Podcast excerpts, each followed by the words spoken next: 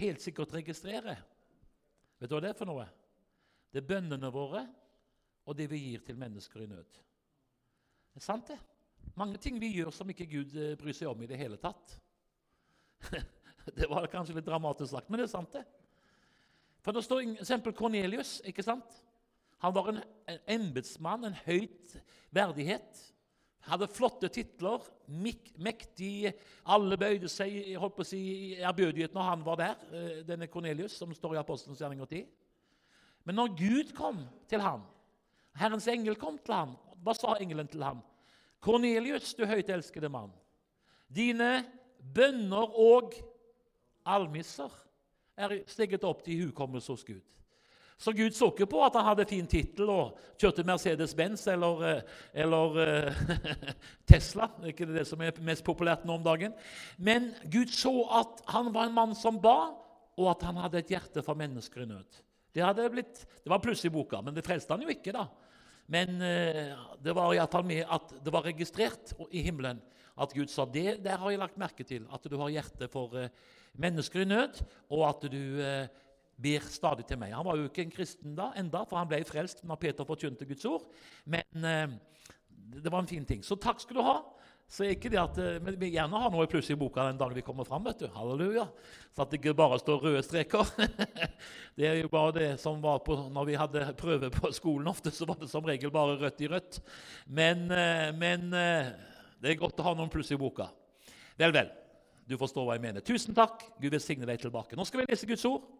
I dag er det eh, Faderen. I går var det Sønnen. Og vi får håpe Den hellige ånd kommer i morgen kveld. Nei da, så gærent er det ikke. Han er her fortsatt. Men det var sønnen min som prekte her i går. Så da eh, sier jeg det at, eh, at Fader, Sønn og Den hellige ånd. Så da er det flott. ja, han, han, er en kjekk gutt, Andreas. Jeg har to gutter og ei jente og ei kone. Det er jo viktig sagt. Selv om jeg kan av og til være litt sånn distré. Så jeg bare husker jeg var i Ålesund for mange år siden, og da var jeg ekstra nervøs fordi at jeg hadde aldri vært der før. Så skulle jeg preike, og så var det veldig mange sånne der, eh, som så så strenge ut. Eldstebrødre kalte de seg for. Satt på siste, første benk og så så strengt på meg. og Jeg, altså, jeg, jeg tenkte, kjære Gud. Og jeg ble litt nervøs. Så, så sa jeg damen til meg du må introdusere deg og si hvem du er. Ja, da, sa jeg. Det skal jeg gjøre. Og da klarte jeg å si, uten å tenke på det sjøl, så heter Halvard Hasløy, Kommer fra Haugesund, har tre koner og et barn. det jeg ønska å si, det var at jeg hadde kone og tre barn. Men når du blir nervøs, så sier du mye rart. Så jeg sa at jeg hadde tre koner og et barn. Og jeg så disse eldstebrødrene, om de var sjokka før, så trodde de i alle dager er den mormoner vi har fått på besøk. Så, så, og Pastoren han heter Johannes Engeli. Han holdt på å gå under stolen i latterkrampe. Så sa jeg til han, sa jeg noe galt, sa jeg til han. Ja, sa han. Har du tre koner? Nei, sa jeg. Kjære Gud, jeg har visst nok med og det er jo sant. Så, men jeg har kone og tre barn. Så Andreas, som du så her i går, det er han eldste. Han, er, han ble 39 år i år. Han ble født i 1980. Og så har jeg en som heter David. De er pastorer i, pastor i Hilsong-systemet i Oslo og på, i Drammen og Norge. Og så har du da Hanna. Og så har jeg verdens beste kone. Bente heter hun. Har et hjerte for mennesker. Så det er godt å tjene Gud med hele familien. Det er nåde over nåde. Men nå skal vi lese Guds ord fra Hebreabrevet 4. Hebreabrevet 4. Og For å få ekstra lys over Skriften så tar jeg på meg briller. Eh, og Da skal vi lese Hebreabrevet 4, vers eh, 13. Og jeg leser i Jesu navn. Nei, Vi kan lese vers 11-13, eh, for, for, for siden vi, som vi er i farta. Guds ord skal, skal, vi ikke ha for lite av i møtene. Og så leser jeg i Jesu navn. La oss derfor være ivrige til å komme inn til den hvilen, for at ingen skal falle i det samme eksempel av ulydighet og bli liggende etter. For Guds ord er levende og kraftig, skarpere enn noe tveget sverd. Det trenger igjennom inntil det kløver sjel og ånd, led, ledemodermarg og, og er dommer over hjertets tanker og motiver. Og så kom det vers 13, som jeg ville preke om i kveld. Ingen skapning er skjult for ham. Men alt er naken og blottlagt for hans øyne, som vi skal avlegge regnskap for. Amen. Vi ber i Jesu navn, Herre, at du må komme med din salvelse og din nåde over oss alle i kveld, så vi kan bli istandsatt til å leve vårt liv for deg på alle måter. Takk for du kjenner alle. Samla her i Betania, Statelle, i kveld. La denne kvelden bli en kveld som merker oss for tid og for evighet. Det ber vi om i Jesu navn. Velsign meg, så jeg kan være til velsignelse. Amen. Ingen skapning er skjult for ham. Men alt er nakent og bart for hans åsyn, som vi har med å gjøre, sto der i den gamle oversettelsen. Eller her leste vi det, at ingen skapning er skjult for ham. Alt er åpent og nakent for hans øyne, som vi skal stå til regnskap for. Fantastisk. Altså den Gud som vi tror på, universets skaper og herre. Bibelen sier faktisk talt at ingenting er skjult for ham. Ingenting er skjult for ham. Alt er nakent og bart for ham. Alt er nakent og blottlagt for ham. Han kjenner alt. Kanskje ikke du tror det, men en dag skal du få se det og forstå det. At han kjente alle ting. Han vet om alle ting. Alt er nakent og bart for hans åsyn som vi har med å gjøre. Så Bibelen sier at uh, ofte det kan jo blåse uh, si, parykken av noen der. Men det står til og med der i Skriften du, at han har talt hvert hår på vårt hode. Står det? Og Det betyr jo det at Gud må jo ha stor interesse av deg. At han er så genuint interessert i deg at Bibelen sier han har talt et hår på ditt hode. Å forstå dette, sier David i salmen, det, med, det, det, går, det har jeg ikke sjans til. Hvordan skal jeg forstå din storhet? Ikke sant? Så Bibelen er helt tydelig på dette, at Gud er så mektig og stor, og han kjenner alle ting. Alt er nakent og bart for hans åsyn som vi har med å gjøre. Talt et hår på vårt hode. Det er klart Hos meg så har han kort prosess. Én, to, tre, så er han ferdig med det. Og Det er flere som er i den kategorien, ser jeg. Jeg skal ikke nevne navn, men eh, jeg tar meg sjøl her. Det er klart at Hos meg er det jo lettvint å telle håra på huet. Ja, ja, selv det er litt problematisk. Men det betyr jo det at hvis Gud bryr seg om hodehåra på oss mennesker, så må han bety være mye mer interessert i det som er evig hos oss, det som skal vare evig. Bibelen sier det at Gud gjorde alle ting skjønt i sin tid. Også evigheten har han nedlagt i hvert eneste menneske. Så hvis Gud bryr seg om hvor mange hår du har på hodet, så er han enda mer interessert i det som bor på innsida av jakka og skjorta. Han bryr seg om ditt indre menneske, for det skal være evig, sier Bibelen. For jeg må jo si det helt ærlig, jeg har verdens beste kone, som jeg innledningsvis sa. Men aldri har jeg vært i nærheten av å sett satt henne i sofaen og sagt til henne 'Bente, jeg er så glad i deg', og så har jeg begynt å telle håra på hodet. Det har jeg aldri gjort. Hvis noen av dere er så glad i kona, så må jeg si da Da, ja, da overgår du min kjærlighet til kona. Jeg er veldig glad i henne, men jeg har aldri talt håra på hennes hode. Men jeg er veldig glad i kona. helt ærlig. Jo eldre jeg blir, så, så jo mer glad jeg blir i henne. Så det er ikke det, men hva som han, han mannen sa, at, at da jeg var nyforelska, da var jeg så glad i kona at jeg kunne spise opp.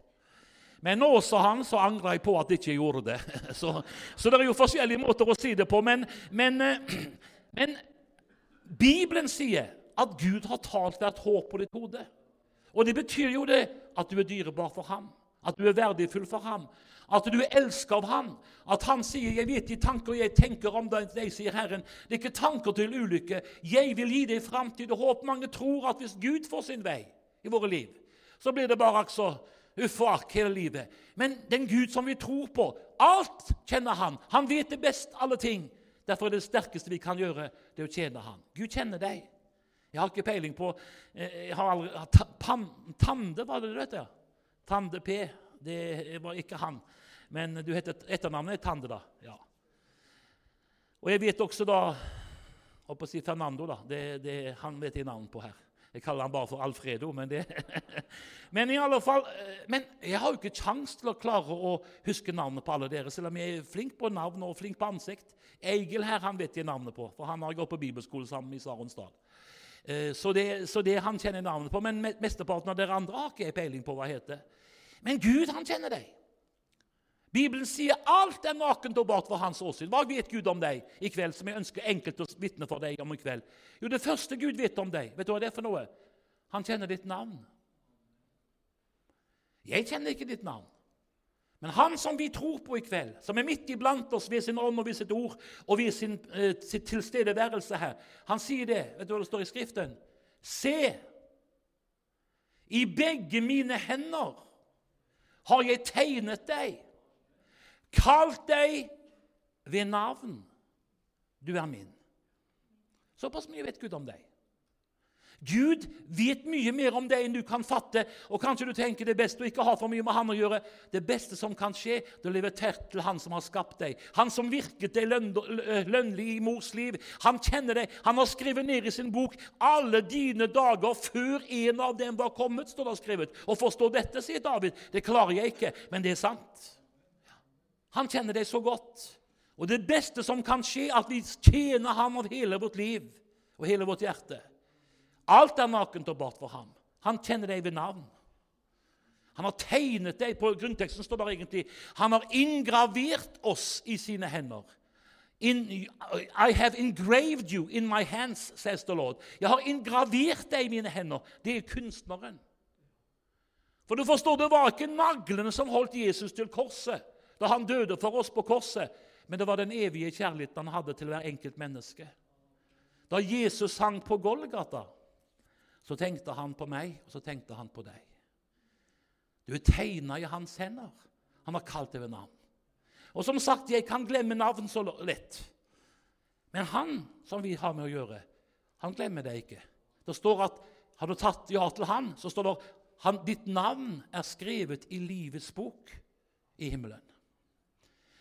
Jeg kjenner mye mennesker. Én ting som er godt med meg, det er at jeg er nysgjerrig.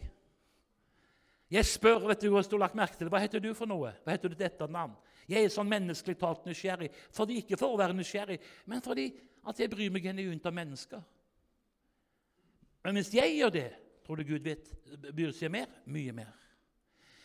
Og Derfor så får jeg høre mange fantastiske historier. fordi jeg, jeg, begynner å snakke med folk, og så spør jeg hvordan ble du frelst. Og så får jeg høre mange sterke vitnesbyrd.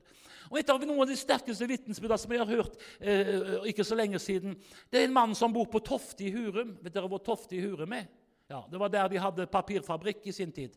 Nå er jo alt det der nedlagt, for det er jo ikke si, skikkelig skogbruk i Norge. Så det var for dårlig business, sikkert, så det er nedlagt. Men han, Knut Årnes, heter en mann som jeg snakker om nå. Han kom med tre barn til Tofte i Hurum under den tiden da fabrikken ble bygd opp. Og Han fikk jo seg god jobb der, og alle bodde i sånne der arbeiderboliger som så ganske like ut på sikkert på 50-60-tallet. ikke forstår meg riktig når jeg sier 60-tallet sikkert. Så han flytta dit. Og de var nok kristne, for de begynte å gå i en menighet der på Tofte. Men du vet Det er ikke alltid vi som kristne er like snille mot hverandre. Vi kan slenge med leppa og være litt sånn som vi ikke skal være. Bibelen sier vi skal vise kjærlighet og saktmodighet, men det er ikke alltid vi er der. Can I get a witness? Unnskyld at jeg sier det, men det er sant. Tenk på alle de mennesker som en gang var med i Guds forsamling, som i dag ikke er med. Og Hvis du hadde fått en sånn spørreundersøkelse på dem, så kanskje mange hadde sagt ja, det var noen som såra meg, de var ikke snille. Og Det kan godt være at det var deres feil, men jeg er redd for at hvis vi hadde hatt mer kjærlighet og omsorg i Guds forsamling, og blant de kristne så hadde lokalene vært smekkfulle. Så det var sikkert noen som var stygge i munnen mot ham, for han ble så skuffa når han var der. Han var søndagsskolelærer, fortalte han meg. At noen såra han. Jeg, vet, jeg spurte ikke så mye om det, men de skuffa han. Vet du hva for noe? Han var nok en sånn derre hot nature. Altså litt sånn ja, kortlunte, som vi sier på norsk. Så han sa 'aldri mer' skal jeg sette mine bein i denne forsamling. Så han hadde nok sånn kort lunte. Og du lurer på kanskje at jeg har kort lunte, og det stemmer. Kona mi ble spurt for en stund siden du, si meg en ting, var det en søster i menigheten som sa i Drammen. Eh, vi ber for deg, Bente. Å, sa hun, hvorfor gjør dere det? Jo, vi har en følelse av at han Halvard har kort lunte. Da så kona mi på den dama og sa hun, det er helt feil, det, sa hun. 'Å, han har ikke kort lunte.' Nei, sa han. Sa hun. 'Han har ikke lunte i det hele tatt.' det smeller med en gang! ja. Og, og, jeg har en følelse av at han Knut også var i den der kategorien der. Men det er lettere å leve med slike folk som altså ikke har kortlunte. Det, det verste jeg vet, det er sånne folk som holdt på å si, En gang ble de såra for 40 år siden, og så holder de på den bitterheten. Da står det 'la ingen bitterhetsrot'. Nei, la ingen bitterhet slå rot og volde Det blir å bli kvitt det, og bekjenne det og bli, gå videre. Hvis du er gift, så må du aldri holdt på å si, være sånn langsint. Det kommer til å ødelegge hele ekteskapet. Det står, det står, ikke det i Skriften at vi ikke kan. Det står 'om dere vredes, da synd ikke'. Så hvis noen sier at 'jeg har aldri sagt et vondt ord til kona', da er, da, unnskyld meg, da er du Ja, jeg tror ikke helt på det. sånn er det bare oss mennesker. Men det står skrevet 'skal ikke la solen gå ned' over vrede. Så det har jeg, jeg håper si, bevart. Jeg har faktisk talt aldri gått til sengs og vært uoppgjort. Har vi krangla, så har vi bedt hverandre om tilgivelse og Gud om tilgivelse. Så jeg kan nok ha kort lunte, men eh, det varer kort. Halleluja. Det er ikke så lenge. Men han var nok der. Men han ble bitter. Og så sa han, 'Aldri mer skal jeg sette mine ben her', sa Knut Årnes. Og det verste var jo også det at han tok jo barna sine med seg, og kona si, Wester. Og så holdt han det. Han var ikke den menigheten på 40 år. Og så treffer jeg han på, på, på Evangeliesenterets landsstevne borte på Østerbo. Og så sier jeg, men, men, du er jo her.' Ja, sa han. 'Vet du hva som hendte Halvard Hasseløy?' 'Nei, det må du fortelle, for jeg var nysgjerrig.' 'Hva var det som skjedde?' 'Jo, det skal jeg si deg.' Hun Estud og meg hadde gått til køys og lagt oss i senga og skulle sove. Plutselig så hører vi en manns røst som sier, 'Knut.' Og jeg trodde det var Ester, for det var jo ikke andre i huset, sier han. Men så sier det, han, 'Ropte du på meg?' 'Nei', sa hun. 'Ja, men i alle dager, jeg hører noen som roper på meg.' 'Ja, ja, vi får legge oss.' Lagt seg nedpå. Andre gang skulle til å sovne. 'Knut.' Da sa han, 'Er det du maser etter?' Nå var helliggjørelsen i ferd med å sprekke, forsto jeg. Så sa han, 'Det er ikke meg.' Men så sa hun, for hun var jo der også, hun. 'Da vågte ikke jeg å sovne', sa hun. 'For jeg visste at skjer det en gang til, da blir det skikkelig månelys her.' Ja, kan tenke deg. De hadde sikkert, hadde sikkert opplevd det før. Så hun sovna ikke. Og idet de legger seg ned på puta for tredje gang, så kommer røsten, og så sier han Knut. Og da hørte vi etter, for da sto vi at den var Så sier røsten Knut, i 40 år har du nå vært borte fra meg. Men nå kommer jeg snart, og din tid er over. Så nå må du komme tilbake til meg før det er for sent. Da snudde jeg meg til Hester, og så sa jeg, 'Hører du hva jeg hører?' 'Ja', sa hun, 'det gjør jeg'. 'Ja, da vet du hvem som snakker.' 'Ja', sa hun, 'det har jeg forstått for lenge siden'. 'Ja, da vet du hva vi må gjøre.' 'Ja', sa hun, 'og det har jeg venta på lenge.' Og så kløv de ut av senga, han på venstre side og hun på høyre. Og så ga de seg over til Jesus etter 40 år. Og Så ba de frelsesbønn, og så sa de, 'Tilgi oss, Jesus, at vi har latt bitterheten ødelegge.' 'Du som bare er god og vil det beste.' Tenk at vi har latt bitterheten råde.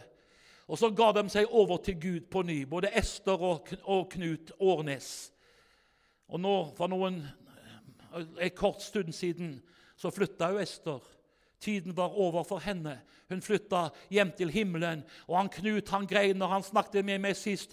Tenk du at Gud i sin nåde kom til meg, jeg som hadde vendt han ryggen på grunn av at noen hadde såra meg. Men tenk, han hadde ikke glemt meg.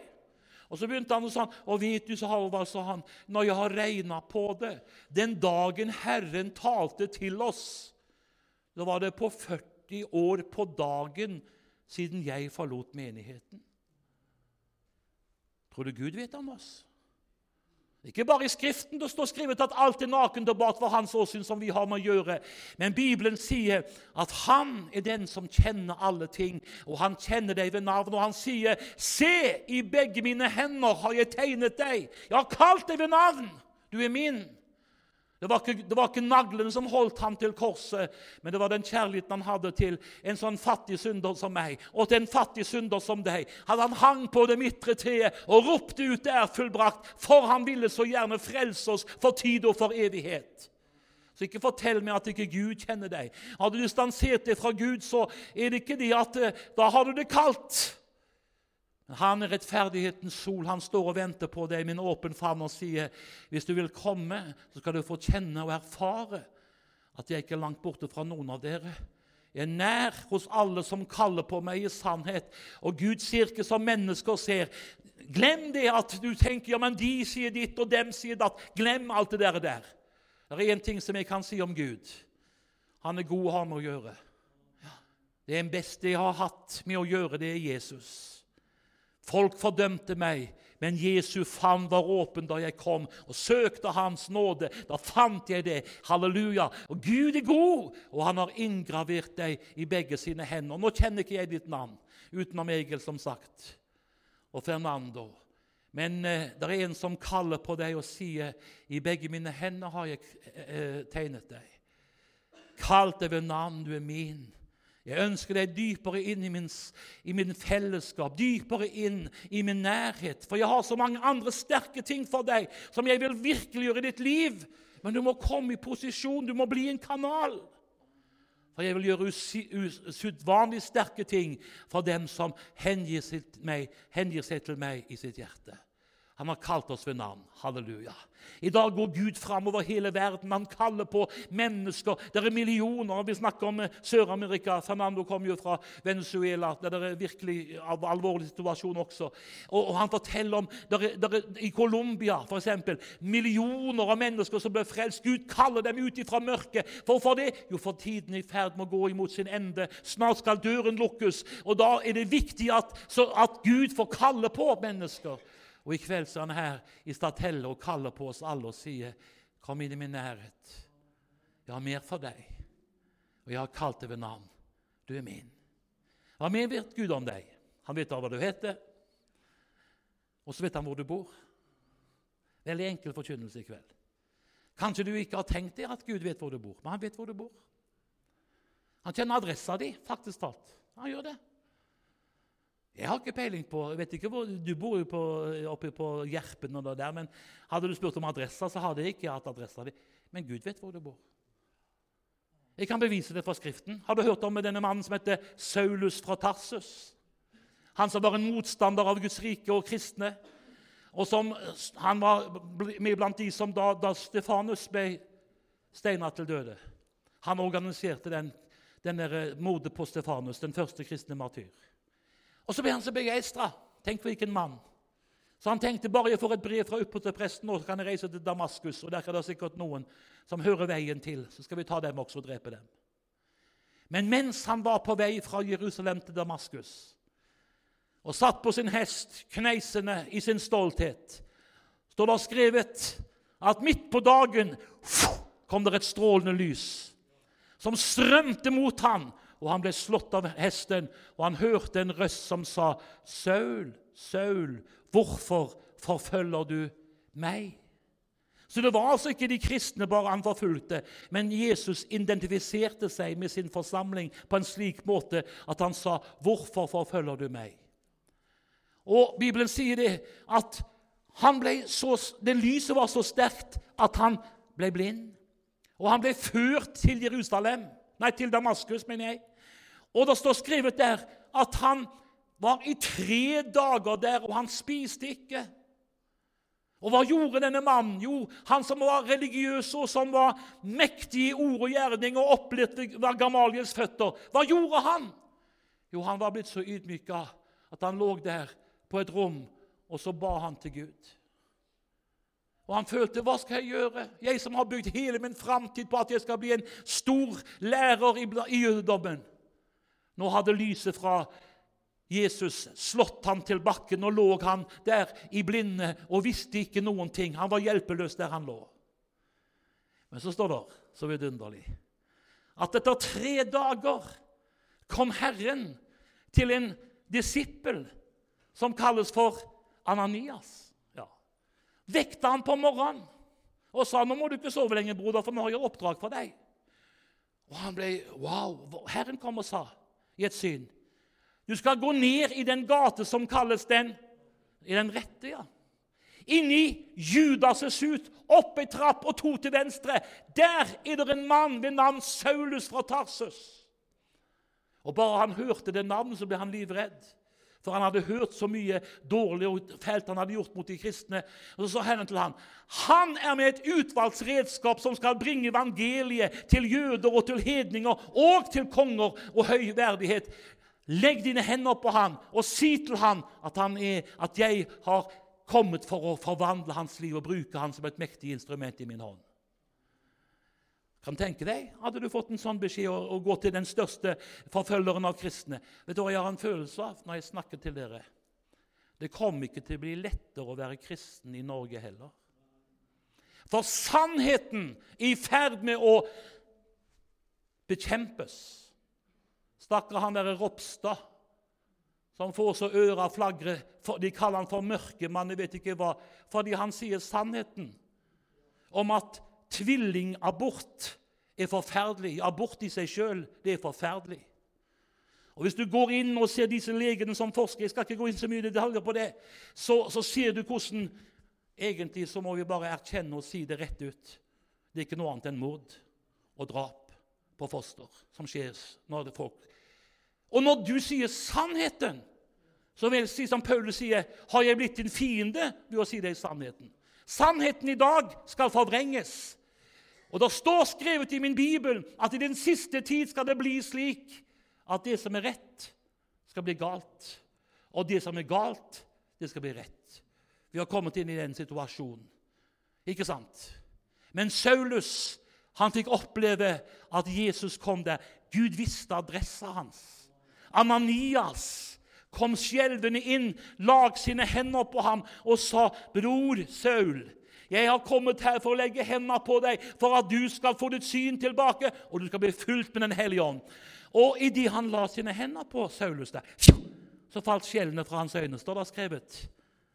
Og så ble han fulgt av Den hellige ånd. Og så talte han etter han fikk litt mat i seg, står det skrevet, så talte han Herrens ord med frimodighet. Herren visste hvor han bodde. Herren visste gate som kalles den rette. Tror du Gud vet hvor du bor? Ja, det gjør han. Jeg vet ikke om du bor i, eh, i Kornmosvingen 42. ikke vet jeg hvor du bor. Gud kjenner adressa di. Om det er gate som kalles den rette, eller det er Statellegaten 43, har ikke jeg peiling på. Men det er én som kjenner deg, og som vet hvor du bor. Og vet du hva for noe? Han er spesielt interessert i de husa der mennesker ber. Hvorfor fant Gud Saulus så raskt? Jo, fordi Hør nå hva jeg sier til deg. Fordi Bibelen sier han ba. Der hvor mennesker ber, der hvor det løftes opp hellige hender, der vi hengir seg til Gud, der kommer Den hellige ånd for å fylle de mennesker med sin kraft og sin nåde. Halleluja. Jeg kjenner ikke deg, ikke vet jeg om du har om du har det tøft og vanskelig, eller du har det veldig happy, om du har vunnet i Lotto og er bare håper å si, høyt oppe i kveld Hvis det er det du har. Jeg har ikke peiling på hvordan du har det. Kanskje du har det tøft og vanskelig, kanskje det er sykdom i familien, kanskje du har det så tøft at ingen visste om hvor tøft du har det. Jeg vet ikke det. Men det er en som sier at alt er nakent og bart fra mine øyne. Og jeg vet hva du heter, og jeg vet hvor du bor. Og jeg vet å finne den som søker meg, for den som søker meg, skal finne meg når han søker meg av hele sitt hjerte. Det er Gud ser til hjertet, vet du. Halleluja. Jeg var på Karmøy for en stund siden, og så vet ikke hvorfor hun kom til meg, ei eldre dame. også. Så sier hun til meg nå skal du si meg en ting. Hun snakker På Karmøy så snakker hun sånn rett, på, rett fra levra. Så merker hun det. Er fra Haugesund, så det er nesten samme gata. Og så, så sier hun nå skal du si meg en ting, Hasseløy. Ja, hva er det nå for noe, da? Er det synd å sminke seg? Så sier jeg, 'Hvorfor spør du meg om det?' Jeg har ikke prekt om sminke i det hele tatt. Nei, det var en predikant som var her, og han sa det var synd å sminke seg. Er det synd, det? Så sier jeg til, til, til uh, hun dama Du sier, nå skal jeg si det helt ærlig, jo eldre du blir, jo mer trenger du. og hun kikka på meg så sa han, hva mener du med det? Jo, sier alle gamle hus på Kammen og trenger et strøk maling i ny og ne for å holde fasaden i orden. Og jo eldre du blir, jo mer får du, trenger du for å holde fasaden i orden. Men, sier ikke smør på så mye at du ser ut som en indianer på krigsstien. Litt grann her og der er helt i orden. Ja, for jeg liker å pynte meg for Jesus, jeg sa Ja, det er bortkasta penger, sier Så kikker jeg på Hva mener du med det? Jo, for Bibelen sier Gud ser ikke som mennesker ser. Vi er opptatt med å sminke oss eller i hvert fall ha fasaden i orden. Men Bibelen sier Gud ser ikke som mennesker ser. Mennesker ser til utvortes, men Gud ser på hjertet. Amen. Halleluja. Så sier det er bortkasta penger. Så bare vær ærlig og si det. Det er jo ikke for Jesus bare du sminker deg. Det er jo for at du skal sminke deg for folk i, i menigheten og i kirka her. Ja, ja, det er jo sant, det òg, da. Ja, så, ikke, så, men bare kjør på, seg. Men så ikke for mye. Litt grann sement der hvor fugene er store, det trenger du, men ellers så ikke for mye, si, for det blir ikke mye pent å se på. Så sa jeg, 'Hva syns du om det svaret?' 'Ja, både òg', sa hun. Og det forsto jeg jo. Men hun var jo så frimodig og direkte, så tenkte jeg at da får hun får det tilbake med dobbel forstand. Men det som er det fine her i denne situasjonen, det er jo dette at Gud kjenner hjertene til folk. Ja, han, og det må jeg si Om vi kunne være mer følsomme i vårt indre menneske når vi møtte mennesker på, på, som vi møter i hverdagslivet, på jobb, i en det er ikke fasaden som alltid er sannheten. Hjertet kan være i ferd med å briste, selv om de, de prøver å være store i, i munnen og har, altså har veldig karslig eh, tone. Da kan det være et hjerte som blør. Så hvis du er lydhør, så kan Gud tale inn i ditt hjerte og si Du må si til den mannen der, eller til den jenta, den gutten, at uh, Gud kjenner hjertet ditt, og han elsker deg. Vet du hva for noe i dag? Så fins det skarer av mennesker i Norges land som går og tenker på at livet ikke er verdt å leve.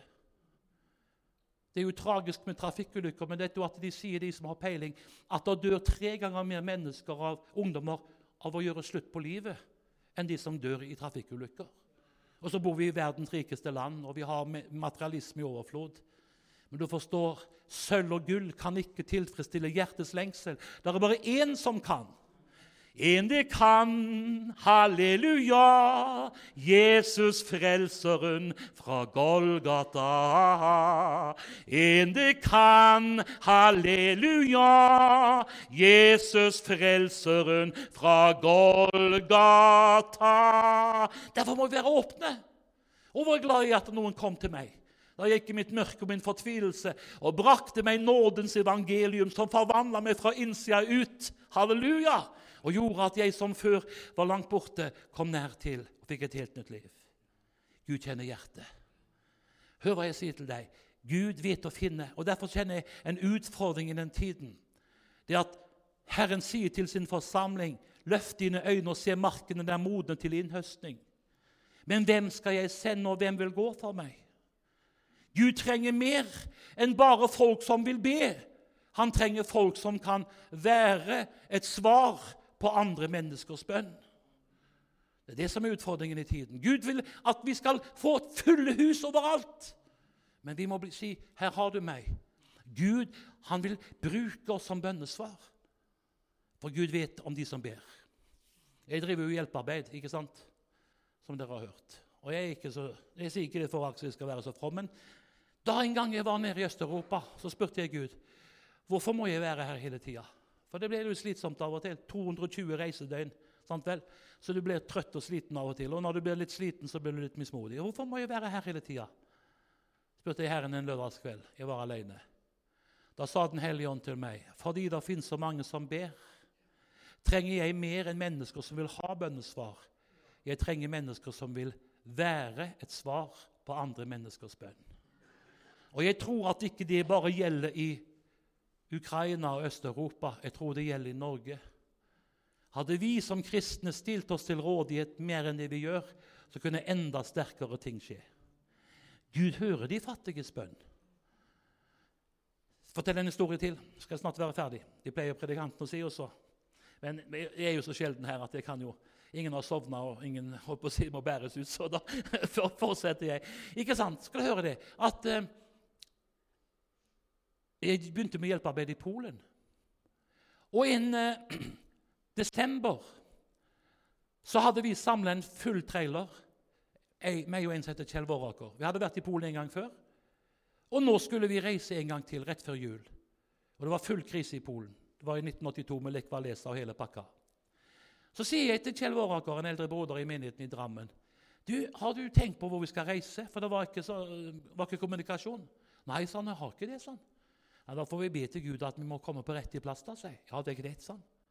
Da ses vi i morgen. Så, gikk, så kom, kom, vi neste dag, og så sier jeg til han 'Har du fått noe fra Herren om hvor vi skal reise?' 'Ja, sånn har det, men eh, kanskje du kan si det først?' 'Nei', sier jeg. Det står skrevet de eldste først. Da står det de eldste gikk ut først. Sant? Så, så du er gammel, sier så du må si det først. Hva har Gud sagt til deg? Ja, jeg får si det rett ut. Lublin, sa han. Det hadde Gud sagt til meg òg. Så sier jeg det var ikke verst. sier Da må det være Herren, da, for det sa han til meg òg. Den lå helt mot den østrussiske grensa der i Polen. Og vi kjørte. Det vi ikke visste, det var at det var full krise i menigheten der i Lublin. Der var det en liten menighet som hadde akkurat sånn som du fortalte om eh, Fernando. Ingenting i mat i forretningene. Ingen hjelp å få. Jula nærmet seg. Folk var i krise. Kom til pastoren Edvard Rutkowski. 'Pastor, please help us.' Men han var jo like fattig som dem. Så sier han, 'Vi har ingenting, men vi skal gjøre én ting.' Gud, han kjenner oss. La oss søke han i bønn og faste så tillyste han den uka en, Det var søndag. Onsdag har vi bønn og faste fra sju om morgenen til tolv om kvelden. Og Da hadde de bønn og faste og ropte til Gud. Midt i kveldsmøtet den onsdagen så reiser kona til pastoren som jobber, heter Anna Rudkovskaja. For det er alltid sånn ekstra stavelse på damene. Og så profeterer hun. Hun hadde profetisk gave.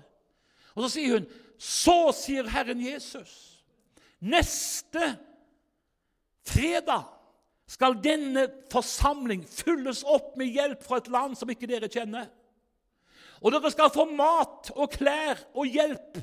Ikke bare dere, men mange i denne byen skal hjelpes, sier Herren. Profeterte. Og så satte hun seg ned. Og du vet at Profetier er bra, men profeterer du neste fredag i et land der er full krise, da vil det snart være avslørt om det er Herren som har talt, eller Kjetto Fløskesentralen AS. ikke sant? Du forstår hva jeg mener. altså. Profetier er herlig, det, men av og til så er det deilig når Gud tar det direkte. Jo da, dette her visste ikke vi. Vi visste ikke at vi skulle til Lublin. Så vi begynte på tirsdagen. Onsdag eh, var vi i, eh, onsdag kveld var vi i Warszawa. Hadde tatt ferje da, eh, fra Svin, til Ystad Svinovice. Onsdag kveld var vi i Warszawa. Torsdag morgen var vi klar. Kjøre til Lublin. Da hadde vi fått adressa til den menigheten eller i hvert fall fått navnet på den menigheten nede i Lublin. Og så skal du høre det at eh, når jeg skulle starte bilen, da, traileren, for da kjørte jeg trailer sjøl, klokka på morgenkvisten sånn uh, ja, ni-halv ti Bilen starta, men den rørte seg ikke en centimeter. Det er helt sant. Og Så sier du var det noe guddommelig. Nei, det var rett og slett uh, jeg hadde sovet i timen. For når du kjører trailer, så er det noe som heter luftbremser. Og da er det noe som heter lufttanker. Og når du kjører i ti minusgrader, så må du fylle sprit på den, en sånn beholder, så at den tanken ikke blir full av kondens. For hvis det blir full av kondens, så, brem, så fryser vannet, vet du. Og da står bremsene på deg. vet du. Og det forsto jo ikke jeg. Så jeg prøvde alle 16 gira. Han rikka seg ikke så mye som en cent. Bilen gikk, men det var hjalp ikke det. Fikk ikke opp luften i tankene, og ikke ville han gå. Så sier jeg til Kjell Varaker kan du begripe at Gud er så urettferdig? Her gjør vi alt for å tjene Han, og så er det bare problemer. Av og til så klager vi, men du forstår det at du må ikke miste motet om du møter problemer. Bibelen sier ikke at vi skal få lettvint alt i, i, i, i hendene. Det står at vi skal gå inn i Guds rike gjennom mange trengsler. står det skrevet. Så om du har litt prøvelser, så må du ikke miste motet og si nei, nå er Gud forlatt meg. Langt ifra. Han er med deg midt i prøvelsens tider. Og tenk hvilket under at aldri alene er du. Det er en som ser deg. Om du kjemper og har det tøft og vanskelig, så kjenner han deg. Og han sier du må ikke gi opp. Du må holde fast ved løftets ord. for han som kan løfte trofast. Jo, bremsene frøys, men vi fikk tak i noen folk. Og så reiste vi fredag morgen, og da skulle vi nedover til Lublin. Og så hadde jeg fått eh, en sånn lapp, da. Og vet du, jeg er en sånn type. Jeg gir meg aldri. Og det har vært hemmeligheten i mitt liv. Jeg, jeg er ikke så veldig begava, ikke så veldig intellektuell og ikke er så veldig ressurssterk. Men jeg gir aldri opp. I never give up. Praise God forevermore. I give full gass. Halleluja, så de sier engelskmennene. ikke sant? Så jeg gir meg ikke. Så jeg eh, kom til, fikk tak i en, en taxisjåfør. Og jeg, om ikke jeg kan språk, så snakker jeg språk. jeg vet du. Jeg er litt vill og gæren sånt. Første gang jeg var i Polen og skulle få, var på en uh, restaurant eller for en sånn hotell der og skulle vi, ha, skulle vi ha frokost. Og så kom hun med noe sånn velling, og jeg kjente det vella seg i magen. Det var forferdelig. Det, og så sier hun, no, no, no, don't you have egg and bacon? Så sa hun Niro som. Hun forsto ikke hva jeg sa. Jeg forsto ikke hva hun sa heller, men det var en annen sak.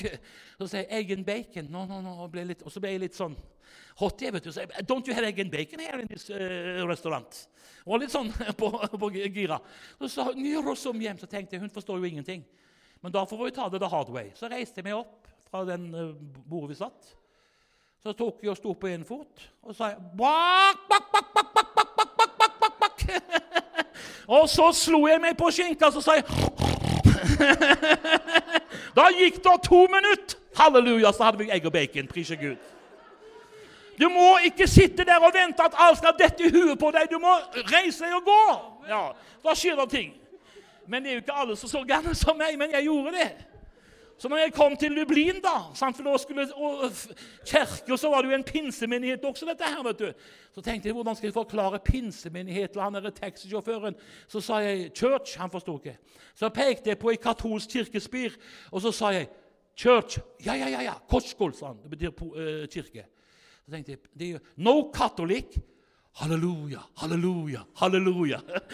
altså Det var pinsevenner. Det var min måte å beskrive dem på. Så sa han ja, ja, ja, ja, ja, ja, ja, ja. Da forsto han med en gang. Han visste hvor det var. ja. Hele byen visste hvor det var. For det var mye sånn baluba i den menigheten sikkert. Så sa han kom on. Så kjørte han foran. Og når vi kom foran den kirka, var det tjukt med folk uten at noen visste vi kom. Og når de så bilen vår, så hoppa de og dansa dem verre enn på Livets Ord i Uppsala. Hvis du forstår hvordan det var der. Det, Iallfall i gamle dager. Nå har det blitt litt roligere. Men en annen sak. Uh, Ulf Ekman har jo blitt katolikk, vet du. Så han synger lovsangseden sin 'Å, Maria vil hjem til deg'. men det er en annen sak. Det var litt stygt, men ok, det, bare, det lå bare der i gata. Men glem nå det, da. Da var det ei dame som kunne engelsk, for alle, og, og så jeg seg til henne. Si meg en ting. How did you know we were coming? Da begynte hun å grine, og så sa hun Because Mama prophesied last week and told that today the help will come from God. Mamma profeterte forrige uke og sa i dag skulle det komme. Så vi har vært der siden klokka åtte på morgenen. Og når vi så traileren, så visste vi der er svaret fra Gud. Jeg skal si deg, Det ble påske, pinse, julaften, 17. mai. Hele pakka på én dag. De grein, og de bar inn hjelp i skarer. Og de grein. Til og med appelsiner eller mandariner hadde vi med oss. Han ene polakken, han svære, gammel polakk, han sa 'Is it appelsin?' No, sa it's, no, it's mandarin. Det var sånn små. Og så Han hadde aldri hørt smakte smakt det. 'Is it good?' yeah. Say, 'Very good'. Og Før jeg ante ordet, så kom den svære polakken ned i kassa, tok tre mandariner uten å skrelle, smokta rett inn og tog, så safta rant på kjakene og sa 'very good, very good, very good'. Men aldri kommer jeg til å glemme den følelsen jeg hadde når jeg sto der og visste at vi var der ikke pga. at vi var så flinke, men det var en Fader i det høye som hadde sendt oss som svar på bønn inn i en fattig situasjon til den forsamlingen. Da lærte jeg Herre, hjelp meg alltid å være et svar på andre menneskers bønner. Det er det vi er kalt til. Og hvis ikke du har større fokus enn 'Gud velsign meg og familien min' og osv., så, videre, så må du få et nytt, bønn. 'Herre, her har du meg. Bruk meg så jeg kan være til velsignelse for andre.'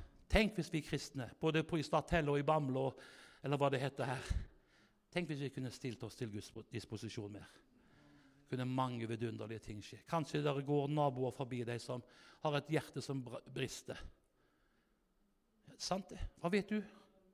For nå, Rett før jul så sto jeg og så borti naboen der. Jeg så han hadde mista håret, så jeg forsto hun var blitt sjuk. Og jeg tenkte vi må snakke med henne om Jesus. Gikk vi bort med en blomst først, og så hadde vi bar for henne. Så ga jeg henne boka mi. Julaften, nei, Nyttårsaften så døde hun. Men jeg kjente kona mi og sa også jeg er så glad for at jeg var lydig og gå der. Vi er kalt til å være bønnesvar. Vi er kalt til å bety noe for våre mennesker. Så Gud vet hvor du bor, Gud vet hva du heter. Og nå skal jeg være snart ferdig, men Gud vet hvor du er på vei. Tenk at Vet du hvor du er på vei? Ja, Jeg tror at mesteparten av dere vet det. misforstår meg rett. Men tenk hvor viktig det er at du vet hvor du skal hen. For det viktigste i livet det er ikke fornavnet i avisa, men det har sitt navn skrevet i livets bok. Å vite det at den dagen min livsvandring er over, da går jeg for å være med Han. Snart er jeg ved målet, han meg sender bud. Snart er reisen over, og jeg skal få møte Gud. Herlighetens morgen, ingen natt er mer.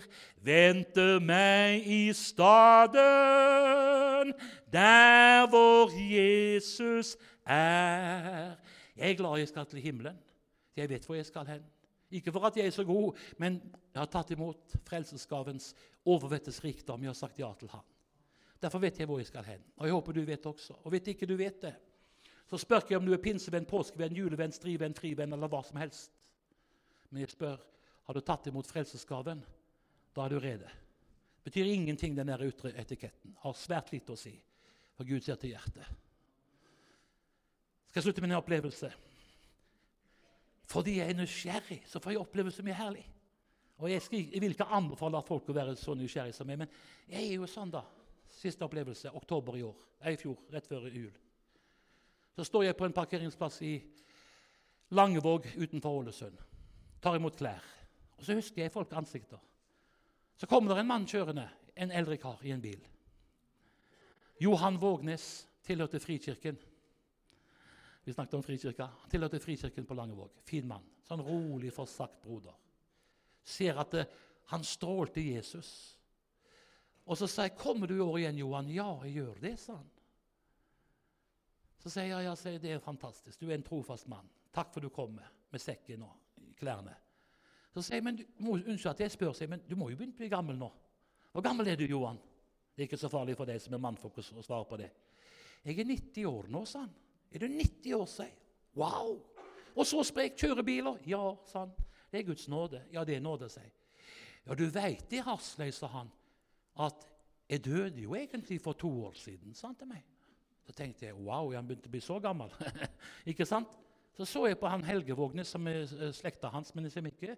Så sa jeg, 'Tuller han med meg?' Ja, han begynte å Nei, nei, sa han. Hør hva han sier. Ja, Da må du fortelle, Johan. sier Fortell.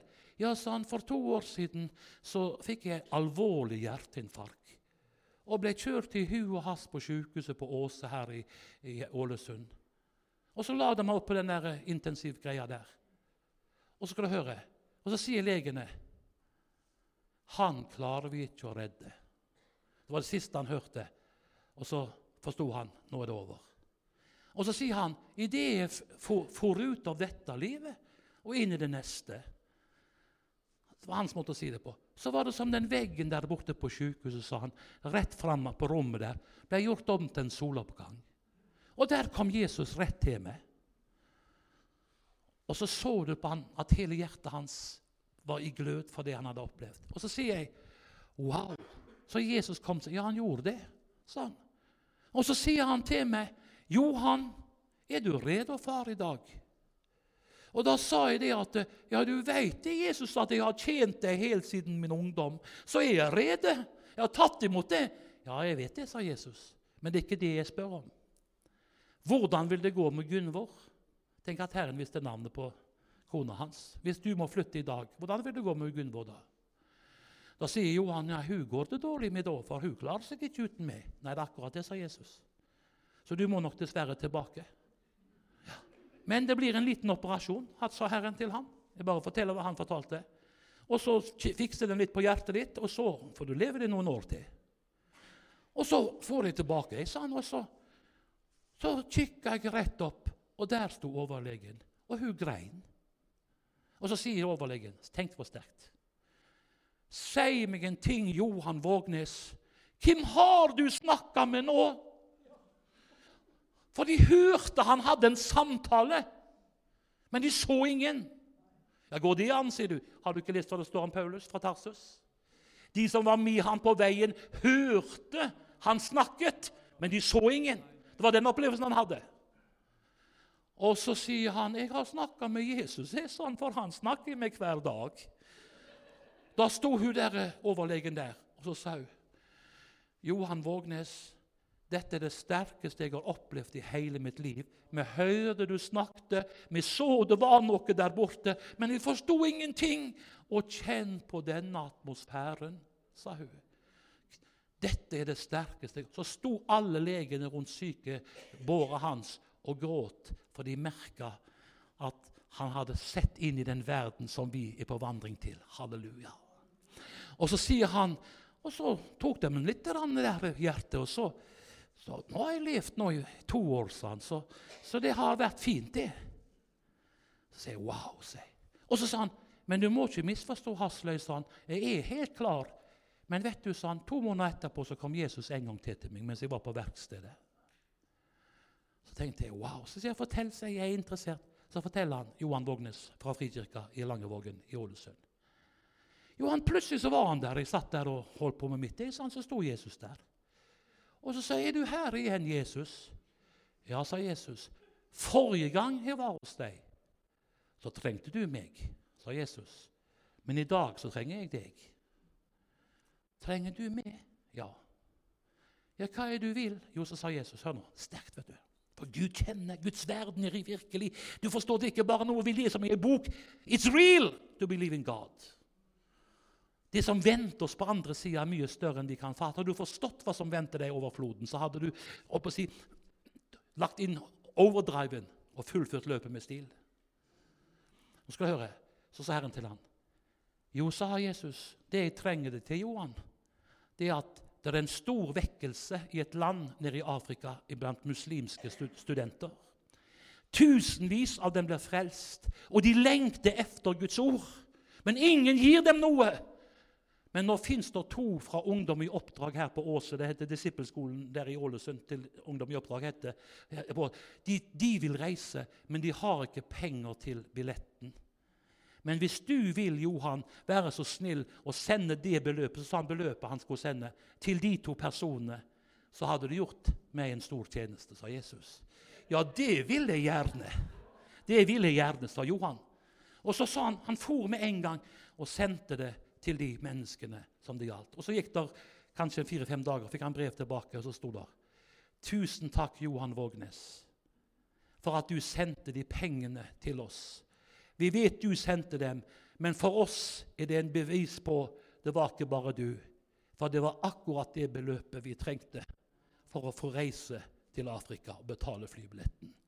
Så smiler han til meg. så jeg var jo helt, altså Det var jo så sterkt, for det var jo atmosfæren når han forteller. Du merker det var en mann som hadde opplevd det. Og så sier jeg wow, dette var sterkt, Johan. Ja, sa han, jeg har opplevd mye jeg siden jeg døde, sa han. ja. Så sier jeg ja, du. Det her er fantastisk. Tenk hvilken velsignelse. Den eldre mannen hadde sett inn i det. Hva øyet ikke har sett, hva øret ikke har hørt, hva aldri har oppkommet noe menneskes tanke, har Gud beredt for den som elsker ham. Og så kan vi være med og tjene ham og være et svar på andre menneskers bønn. Jeg har sagt at du skal være ferdig, og nå er jeg ferdig. Skal vi bøye våre hoder innenfor Herrens åsyn? Kjenner Jesus er her. Halleluja. Alt er nakent og bart for hans åsyn som vi har med å gjøre. Gud kjenner hjertet ditt. Gud vet om utfordringene som du har. Du skal ikke tro at dine bønner og dine sukk som du har sukker på at de er glemt av Gud. Han, han, kjenner dem, han ser dem. Han vet om deg. Han elsker deg. Halleluja. Og han sier til deg Alt er nakent og bart for mitt åsyn. Jeg vet hva du heter. Jeg har kalt deg ved navn. Jeg vet hvor du bor. Jeg har hørt din bønn. Men jeg vil så mye mer, sier Herren. Jeg vil gjerne bruke deg som en kanal for mange mennesker som venter på svar på sine bønner fra meg. Og hvis du som er kalt med mitt navn, ville åpne deg og stille ditt liv til min disposisjon, så kunne enda sterkere ting skje i ditt, i ditt, nær, i ditt nærområde. Han vil bruke oss på en spesiell måte. Mens vi har våre hoder bøyd, så vil jeg spørre inn for Herrens åsyn, for vi vet vi er for Herrens åsyn. Er du her som ønsker og trenger at du ja, Er du her som ikke er en kristen? Som ikke har sagt ja til Jesus? Og du vet med ditt indre menneske Jeg trenger ikke være dommer på noen som helst måte, men du vet i ditt indre menneske hvordan du har det med Gud. Du, om du har forstår, forstår hva jeg mener, Når du har relasjon med Jesus i orden Gud kjenner hjertet ditt. Er du her som ikke, som ikke har tatt imot, så kan du få komme og ta imot i kveld. Han er ikke langt borte. Men om vi spør også på den måten her Fins du her som kjenner det, at Gud kjenner hjertet ditt, og han vet hva det gjelder?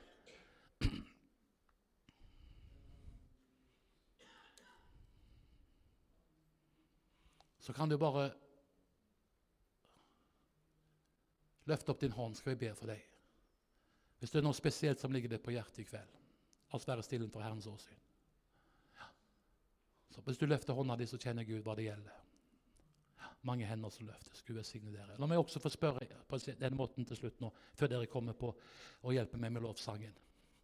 Og mange er det her som vil si ditt indre menneske til Herren Jesus i kveld. Her har du meg, Herre. Jeg vil være brukbar i ditt rike. Hjelp meg, så jeg kan få lov til å være et svar på andre menneskers bønn. Hjelp meg at det kan bety noe for min neste. Hjelp meg at ditt liv som bor i meg, kan strømme innom meg og bety en velsignelse for mennesker som jeg møter på min vandring. Hvis du ønsker å være med blant dem, så kan du også løfte opp høyre hånda di mange, mange hender som løftes. Skal vi reise oss inn for Herrens åsyn, så kommer dere på pianoet og på, på, lovsangen. Halleluja.